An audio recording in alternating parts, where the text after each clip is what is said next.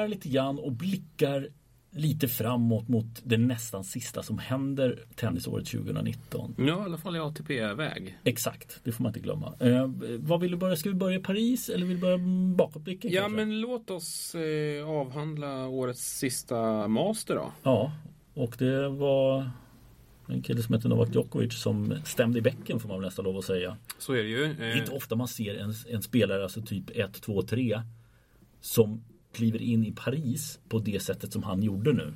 Nej, det är inte ofta man får se spelarna 1, 2, 3 ens vara med i, i Paris. Jag tror att, att jag kollade bak eh, vid något tillfälle att, att Federer, Nadal och Djokovic bara har alla tre har varit där samtidigt typ två gånger de sista 8-9 åren eller något sånt där. Eh, så att, Jag hittade faktiskt ett år eh, 2013. mm, Då var eh, de tre och Ferrer i semifinaler. mm.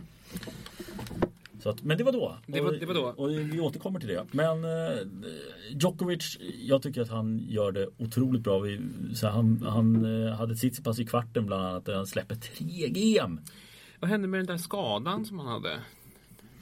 Ja, säg det. han ser, nej men så här sent på året är man ju inte van att se Novak Djokovic riktigt i den här formen. Nej, nej men det här var, det var ett enormt statement tycker jag. Eh, och det, det går inte att, de andra eh, att han får en Chapovalov som tar sig till final vilket är helt fantastiskt vilken resa han gör. Det är lite Tsitsipas fjolår som Tsitsipas, eller som eh, Chapovalov gör här i slutet av i år. Michail Jusjny börjar kännas som årets coach va? Ja, Det, verkligen. Ja, men, men, alltså, det, det, den impact som han har haft det, det är ju enormt. ja, Verkligen. Det, blir, det kommer bli jätteintressant att se honom till nästa säsong och, och vad han kommer in i den och vad han kan göra.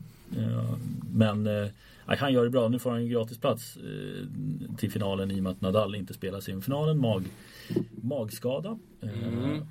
Och det är väl inte helt ovanligt att han åker på någon skada. Han, han kommer ju till eh, London här nu eh, med bekräftade skadeproblem. Mm. Och har väl sagt lite grann att vi får väl se hur det går. Han skulle testa eh, framförallt servandet här i slutet av veckan innan. Och både Monfils och eh, Bautista Agut är där Mm. och kan rycka in ifall det behövs. Ja, och det känns ju som ganska sannolikt att så kommer det att bli. Men det, Ja. vi, vi tar Vi, det sen. vi kommer till det. Ja, eh, vad, vi kan väl lyfta upp också Gigor Dimitrov som eh, träffar bollen rätt hyggligt här. Ja, men det är en så konstig säsong han har med tanke på hur, hur bra han var i, i US Open. Och, Mm. och sen den här insatsen. Det är egentligen de två turneringar då han presterar riktigt bra. Han var lite på gång och sådär. Gjorde en del bra resultat inför US Open. Mm. Men, men det, det är den turneringen och eh, den här som, Mm. som egentligen är det enda som sticker ut under ett väldigt, väldigt knasigt tennisår. Mm, Där han har varit eh, och dippat enormt djupt. mm, eh, alldeles för djupt egentligen. Eh, övrigt då, kan vi ta att fjolårsvinnaren Katjanov försvinner i första matchen. Ja, eh, det, det här lyftet som vi, eller lyftet fick han ju egentligen i fjol, men, men han har ju inte motsvarat förväntningarna kan vi ju säga nu när, när vi summerar det här året. Nej, men samtidigt kan man inte säga heller att han är en besvikelse, för det tycker jag inte han är. Nej, egentligen, egentligen inte, men, men ja, nu, nu landar han ju där någonstans, eh, jag tror han landar 16, 17 va, eller något sånt tror jag. jag ska se vad han, vad han placerar sig på. Nu tar vi bara på rankingen här.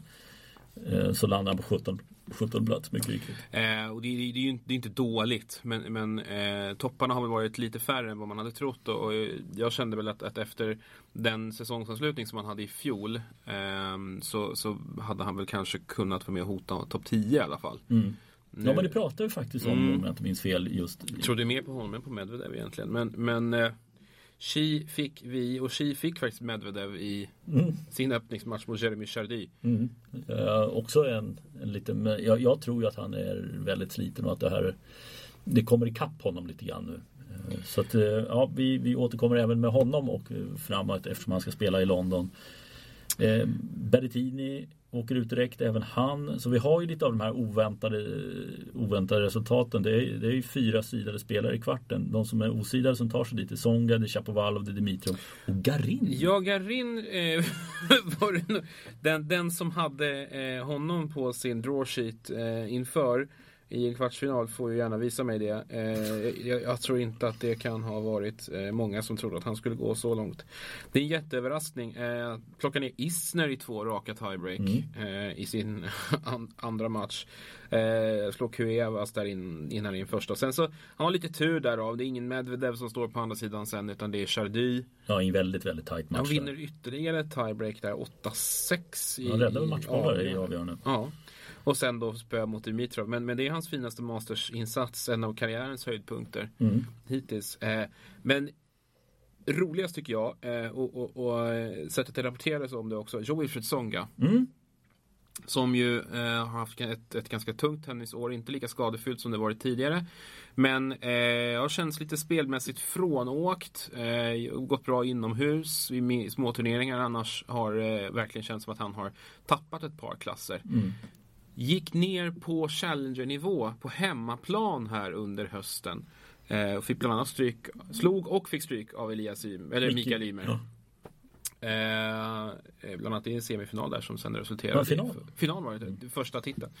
Mm. Eh, så att, eh, men det som, det som var med det, han hade en hyfsat framgångsrik session där på Challenger-touren och har sagt själv då efter att det var viktiga veckor för att han någonstans eh, kom underfund med varför han fortfarande håller på med det här och varför han började med tennis för första, eh, från första början.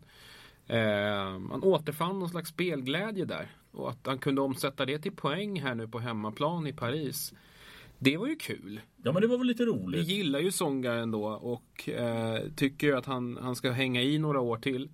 Han är ju fortsatt underhållande och en, en härlig profil på många sätt. Ja men verkligen, verkligen.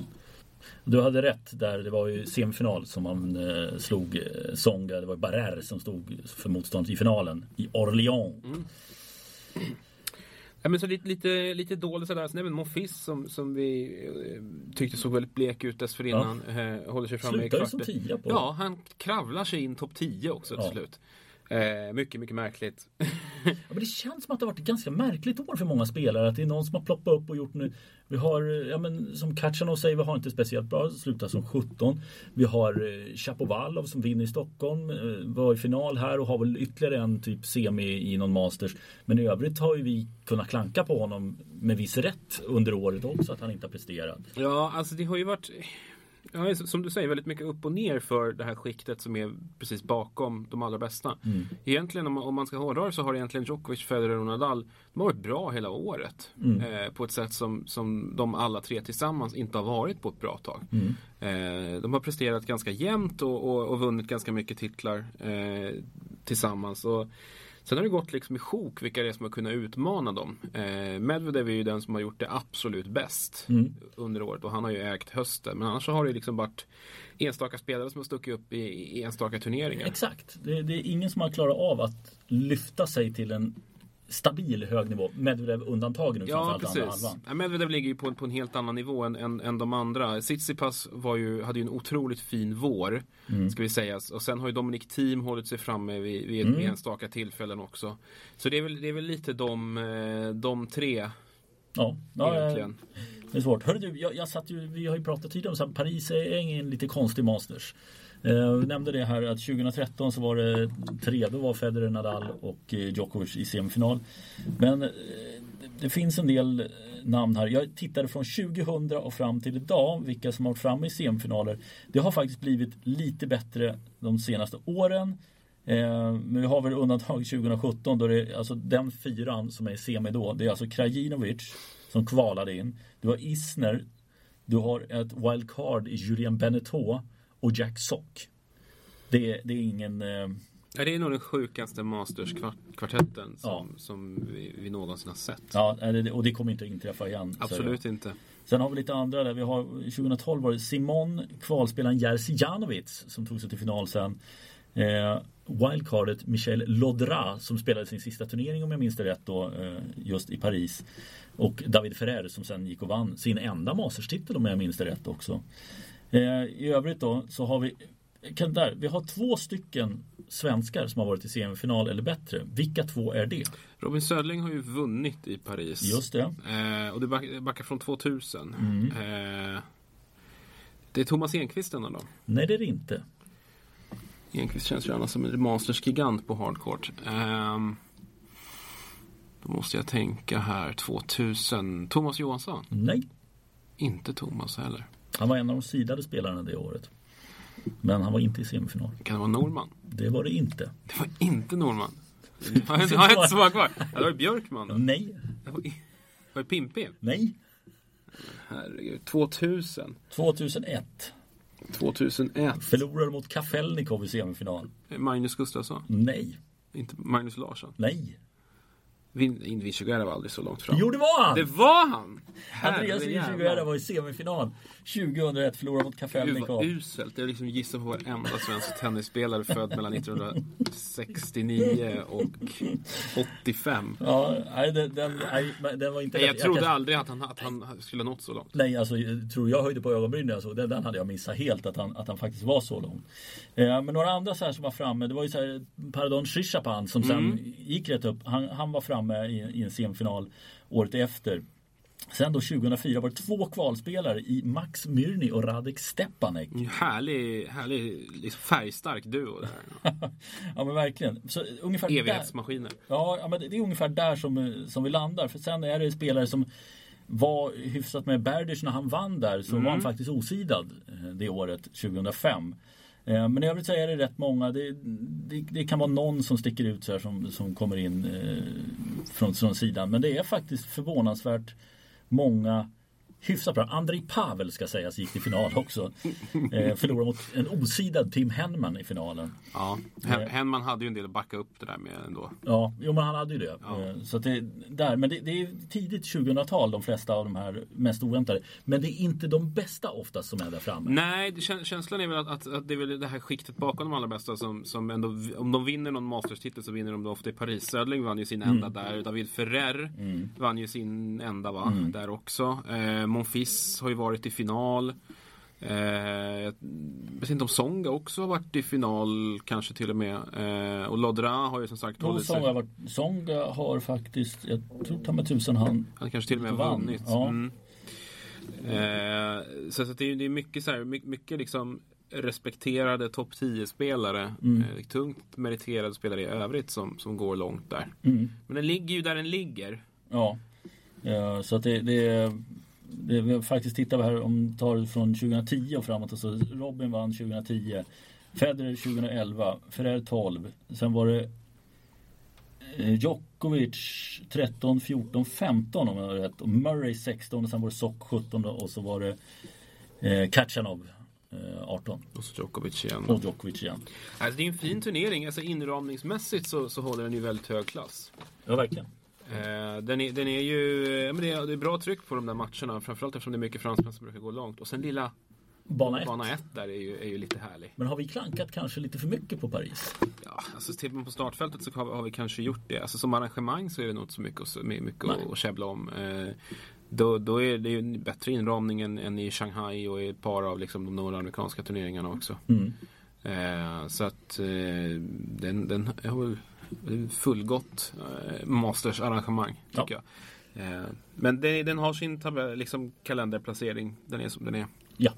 Eh, Next Gen eh, ska vi inte bena ut allting i för att det är en plojturnering. Eh, och vi brukar inte prata om plojturneringar. Men vi måste ändå när vi har en svensk deltagare där som har, när vi spelar in det här 1-1 i matcher, Sinner, wildcard till italienska. Eh, den enda som är klar i den gruppen spelar väl en avgörande match mot TFO om jag inte är fel ute, Ymer. Känns på förhand lite tufft. Ehm, även om Mikael gjorde en, en bra första match i turneringen när han tryckte till Umberg. Mm. Ehm, jag tycker han klarar sig rätt hy- hyfsat där ute. Mm. Ehm, sen är det svårt att veta hur, liksom, om alla tar det på 100% allvar. Men det känns väl ändå som det ändå tycker jag. Ja men det känns ju rätt, jag tycker det känns rätt okej och det är ju inte någon lunka omkring tempo utan det är, det är ganska bra intensitet i det. Ja, och intensiteten blir ju liksom högre med tanke på de eh, regeltester man har. Liksom, med, man, är, man är stenhård på skottklockan. Och eh, den, den här lilla detaljen att det inte kommer bollkallar och, och ger dem handdukar. Den gillar jag verkligen. Mm. Tyck, tror jag tycker att man kan eh, definitivt införa på högre nivå också. Men det, jag tror delvis går det väl inte på de, om vi säger de stora banorna så är det oftast mycket längre till. Mm. Eh, det här är väldigt tight mm. eh, centercourt här. Mm, så att jag tror att där, där är väl en sån sak som som jag skulle argumentera för varför det inte kommer att införas. Men där, med det sagt så håller jag med. Jag tycker inte heller att bollkallarna ska springa med handdukarna till spelarna utan det kan de hämta själva. Jag, om jag fattar rätt här så har det inte varit riktigt lika frekvent heller med handduksanvändandet som Nej. det kan vara i vanliga turneringar. Ja, det, blir, jag tror att det, är, det är mer en vanegrej än ett faktiskt Ja, behov. det är ju en snuttefilt. Ja, absolut. Eh, det är liksom en, en, stund av kontemplering. Liksom, får en liten promenad fram och tillbaka och fundera över vad man ska göra härnäst. Mm. Eller liksom reflektera över någonting som man har gjort mer än att torka svett i ansiktet. Mm. Eh, så det, det gillar jag. Mer saker, coachning. Jag är helt emot den, det sättet man gör det på för att det känns så jävla konstlat. Det blir lite konstlat. Jag kan tycka det är intressant i, i viss mån att lyssna på det. Mm. Eh, framförallt nu när Daniel Berta pratar med, mm. pratar med Micke. Det har ju naturligtvis att göra med att man fattar språket. Men, men eh, jag vet inte om det finns någon, det finns, känns inte som att det finns någon riktig någon riktig, riktig framtid. Alltså jag, jag, jag är inte Jag är inte främmande för on-court coachning. Nej. Eh, jag, jag, kan tycka att man, man, ska kunna få rådgöra med sin tränare när man håller på med tennis. Eh, men det kanske inte ska vara publikt på det sätt som det är nu. För det blir ju lite, lite showigt liksom. Eh, så det, det, är inte... Det blir, det blir, det är, är ett alltså just här blir det ett lite konstlat moment eftersom att det liksom in, inom lagsporten så finns det ju en helt annan dialog på banan liksom. Ja men verkligen.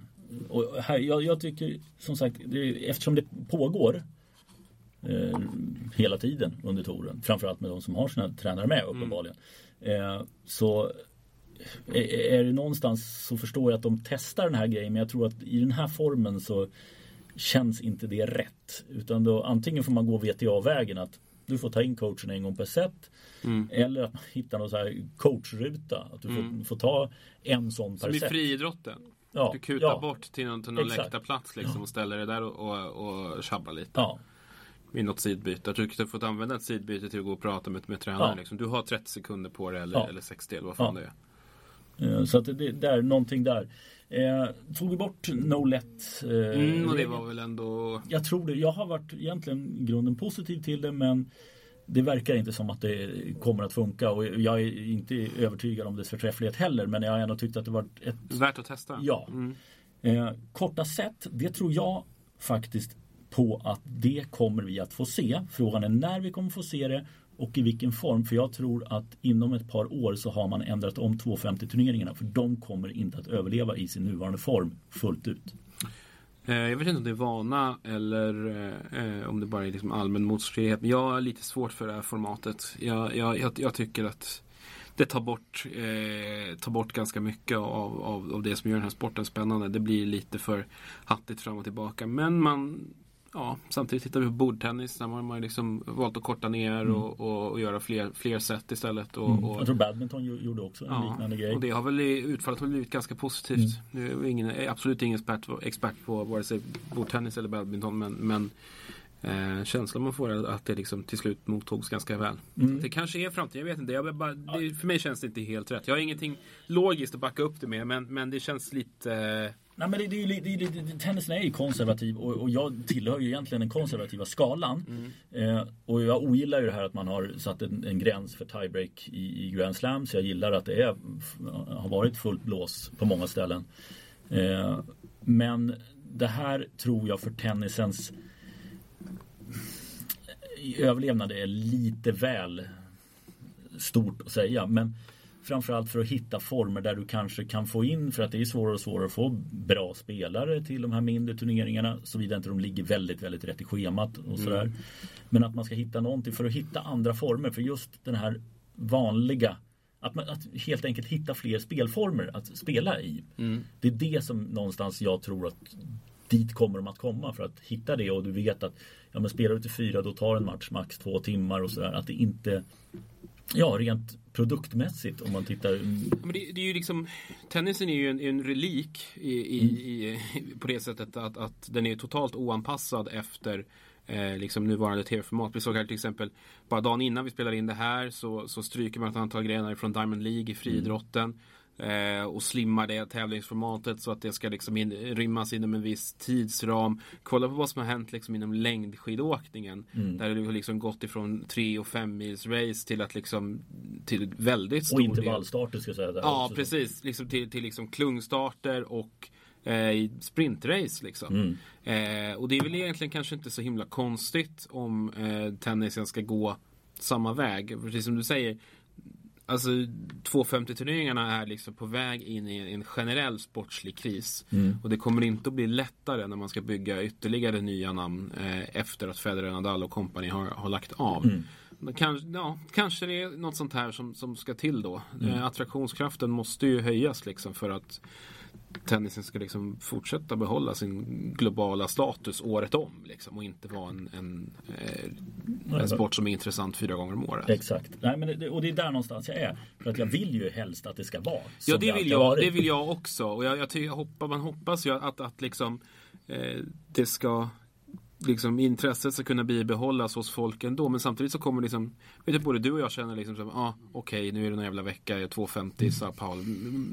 Inte ens vi går igång på det Nej, jämt. Liksom. nej. Det, blir, det är ju att man sen råkar hamna på det. Men, men i grunden, nej det, det är helt rätt. Och det är klart att det, det kommer bli svårare och svårare. Så att, nej, där är någonting. Hade vi någon mer regel som var... Jag kan ha missat någon. Eh, inte som jag kommer på, det är, det är säkert flera. men- Uppvärmningen var väl också att klockan börjar ticka direkt när de kliver på Mm. banan. Också hårdare. För det, det tycker jag de har blivit bättre på på ATP-touren Mm. också. Men eh, inte fullt ut. eh, När det, gäller, när det gäller den biten. Lite som skottklockan där också. Att det, det är stenhårt 25. Det är lite godtyckligt. Jag kan, jag kan upp, uppskatta en del grejer i presentationen, liksom hur, hur man jobbar liksom med, med billboards och med liksom stora skärmar och liksom hur banan ser ut. Och så. Det, det tycker jag känns rätt schysst. Däremot så jag gnällde på Twitter häromdagen om kameravinkeln. Mm. Jag, tycker, jag tycker det är direkt svagt hur man, hur man kan, kan liksom sätta ihop ett sånt här arrangemang som ändå kostar en hel del pengar och sen inte lägga tillräckligt med, med liksom tid och energi på att hitta en kameravinkel som faktiskt funkar för oss som är lite mer intresserade av sporten. För som den är nu så filmar den inte rakt uppifrån men det är fan inte långt ifrån. Ja, men, och, och det perspektivet ger väldigt dåligt tempomässigt. Ja. Du, du, tappar enormt mycket. Mm. Ja, så att, eh, nej, det, det är jag med på. Det, det är säkert, jag vet inte om det är en test eller om arenan ser ut så också. Om man har nå- att det här ska vara bättre visuellt, att få överblick över det hela. Det, det ska låta vara osagt. Ja, du, får, du får ju med i alla fall alla skärmar på ett väldigt, väldigt bra, bra sätt. På det sättet. Men, men, men du, du missar en, en avgörande dimension i spelet. Och det tycker jag, alltså rent generellt så är det någonting som återkommer alldeles för ofta på den här, i den här sporten. Att, att liksom det, det är för dåligt. Alltså 99% av alla oss som, som, följer en turnering följer den på TV. Eller, på, eller i liksom, surfplatta, dator, mobil, whatever. Liksom. Men du följer det på en skärm och då måste det vara bättre anpassat än vad det är nu på alldeles för många. Och det gäller, liksom, det gäller slams. Liksom. Ja, alltså, det det, gäller också, massor av, av sidobanor, massor av liksom relativt stora banor i Grand Slam-turneringar också. Det är för, det är för dåliga kamera, kamerasättningar. Men det tror jag kommer lite när vi pratar sidobanor på slams. För det är så pass nytt att man har tv-mässigt eller liksom har kameror på alla banor. Det har ju faktiskt när jag började kommentera var det typ fem banor som hade kameror. Nu är det på alla banor. Så jag tror någonstans där och då är inte de banorna anpassade för Det- det är de som, inte. som säkert kan Det kommer ju, men, och, det, och det kan jag någonstans köpa liksom att det är en process. Mm. Men, men liksom nya stora evenemang Nej, från nya stora arenor. Mm. Att det inte är bättre som när de till exempel har byggt om i Paris och, och liksom vi får se rätt, rätt bedrövliga kameravinklar där också. Ja, det, Det, det, är, för, det är för dåligt. Ja men det är det. det ja, jag kommer ihåg för mig att det var när de byggde bandyhallen Ja. i Västerås. Ja, precis. Och, Det, och ingen konsultation så när man kom upp på kamerabryggan där så vinklade kameran åt ena hållet så var det en jävla jättebalk liksom Ja. så att du inte kunde se målet. det är ett klassiskt mardrömsexempel som alla vi som jobbar med tv-produktion Mm. får höra lite då och då. Om, om hur, hur de bygger arenor utan att tänka på, på tv. Eh, vi kliver fram mot Ja, det, det. riktiga slutspelet Henrik. Mm. Group eh, Andre Agassi. Mm. Vilka har vi där? Där har vi Rafael Nadal, vi har Danil Medvedev, Stefano Tsitsipas och Alexander Zverev. Och Nadal tror vi ju sådär på att Mm. han faktiskt kommer att fullfölja den här. Jag tror absolut inte han gör någonting som kan äventyra hans start på 2020. Det tror inte jag heller. Eh, även om såklart Rafael Nadal bär en, en förhoppning om att någon gång få vinna den här titeln. Mm. Den enda som han faktiskt, den enda stora titel som han faktiskt inte har vunnit. Eh, och han har inte varit nära sen, när var han i final sist? Var det 2011? Ja, det, det är långt tillbaka. Eh, det, det, det, är en bra stund sen. Eh, och han, jag tror inte han kommer att nå någon final nu heller som vi var inne på. Han kommer hit med skadeproblem. Det har han gjort många gånger förut den här tiden på året. Mm. och sen ser han plötsligt bättre ut i Australien Australian Open igen. Mm. Och det är ju en turnering som man faktiskt har möjlighet att vinna. Mm. Final förra året. Så att han värdesätter nog den mer än det här. Och det gör ju att den här gruppen blir otroligt öppen. Ja, och, och där är frågan. Det som känns lite tråkigt är ju att det blir någon sorts trespelar-race. För att om Nadal säger jag kör så tror jag ändå inte att han klarar inte fem sådana här matcher som det ska vara för att ta sig hela vägen. Det har jag väldigt svårt att se. Mm. Och han kan ju inte köra på 80% heller. Utan han måste gå fullt ut. Och är just en magmuskelskada i servrörelsen, det, det kan liksom inte vara bra. Så då faller han bort och då är det ju så här Medvedev, Tsitsipas, Zverev. Uh, och jag, jag säger ju Medvedev, Tsitsipas. Ja, jag är lite inne på samma spår. Med viss reservation för att vi inte vet hur trött Medvedev är. Det kan vara så att han, att han tog det medvetet lugnt i Paris för att spara sig till, till den här turneringen. Mm. Eh, I så fall är han gruppfavorit, annars så tror jag på Tsitsipas. Mm. Eh, Zverev känns inte som att han är riktigt där för att störa vare sig Tsitsipas eller Medvedev om de är i hygglig form. Nej. nej. Eh, och Nadal känns som att han har lite för mycket respekt för egentligen. Mm. Eh, I den andra gruppen då, då hittar vi Novak, Roger. Vi har Berrettini och Dominic Thiem. Mm. Eh, alltså på pappret så är, är det bara två namn att säga. Det är ju det. Alltså någon som, som eh, teoretiserade kring det här på Twitter om att det här är ju en perfekt lottning egentligen både för Djokovic och för Federer. Mm -hmm. För att de är högst medvetna om att de är favoriter i den här gruppen.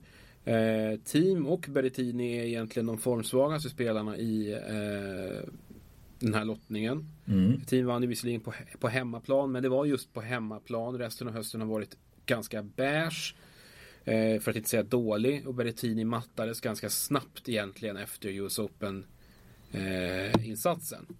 Och halkar in här nu liksom som sista gubbe. Mm. Så att eh, det känns ju Och som... han kommer till en arena som han inte eh, har varit på tidigare och det tror jag har en viss betydelse för det har vi sett andra som har haft lite svårt att leva upp till. Uh, inte alla men vissa spelare har haft svårt att leva upp till det när de kommer till London. Ja, det känns, det känns inte som att Berrettini kommer att vara något hot för att då måste han trolla fram den där US Open-formen egentligen. Mm. Eh, Federer kommer väl dit hyfsat fräsch. Djokovic kommer dit i uppenbart bra form. Mm. Eh, det blir ju intressant mötet mellan dem i gruppen naturligtvis. Eh, och hur de förhåller sig till det. Ja, men det, det, är lite för... Och sen så blir det ju också att de möts inte i semifinal utan det kan bli en final som eh, nästa gång de i så fall möts. Eh, Djokovic är ju bäst. Så att, eh, men, men London har ändå varit Federers hemmaplan väldigt mycket. Eh, men jag tror att Djokovic kommer vinna den gruppen. Eh, jävlar vilken skräll. Men jag tror faktiskt det. Och jag tror att Federer tar sig vidare. Eh, team brukar inte heller ha så mycket att hämta där i London. Eh, men jag, ja. jag, jag, tror att, att de mötet de två sinsemellan mm. eh, kommer att bli jäkligt intressant. Eh, Men en parameter faller bort då. Nu, eftersom våra spekulationer är i att Nadal inte kommer att fullfölja så är inte första platsen lika viktig. Nej, men det, men, det hänger lite tror jag också för, alltså jag, jag, tror, jag, jag, tror egentligen inte att vare sig Djokovic eller Federer bryr sig särskilt mycket om Tsitsipas eller Zverev. Nej. Jag tror inte det rör mig, men jag tror att det finns ett intresse hos båda att undvika Medvedev. Mm. Eh, beroende på hur han placerar sig i den, i den där gruppen. Jag tror inte att någon av dem vill ha honom i en semi. Nej. Eh, det är, vi är ju lite där igen. Alla vet att han är bra men det är ingen som liksom vet riktigt i vilken form han kommer in här nu. Nej. Så att jag tror att det ligger i bådas intresse att, att, att försöka skippa honom så länge, så länge det går. Ja. Och det kan göra liksom deras Förutsatt att det, att det går som de har tänkt sig i deras respektive matcher mot Timo Berrettini. Men jag tror att det, kan, det, kan, det, skapar en, en, intressant dynamik och ett in, intressant ja, intressanta förutsättningar inför deras möte. Mm. Ja, nej, men absolut. Det, där har du hittat USPen på, på den matchen. Ja, jag tror jag har hittat USPen på hela gruppspelet. Vem vinner? Eh, Djokovic måste betecknas som favorit tycker jag. Mm. Men men vinner han då? Ja, det tror jag han gör. Ehm, det, det är väl Federers oerhörda motivationsdriv och det, och det faktum att, att inomhus eh, tre set på hardcourt är Ganska snabb bana. Ja, det ska passa honom rätt fint. Mm. Ja, det ska gå fort där har jag hört. Eh, och ehm, det, det är väl det då kanske. Mm. Men, Ja. men Djokovic är min favorit ändå. Ja, nej, men det, vi gör som vi alltid gör. Vi är överens. Mm. Ja. Sen måste vi notera att eh, i dubbeln så har vi grupp två där. Mm. Vad heter den? Grupp Jonas Björkman. Ja, det är inte så dumt va? Det är fint. Eh, Myrny va som är eh, i den andra. Och de vann ju några titlar tillsammans. Det gjorde de. Eh, och det är väl, är det det sista vi säger i den här podden den här gången? Ja, för den här gången. Ja. Vi återkommer väl sen eh, några veckor med, med en liten summering.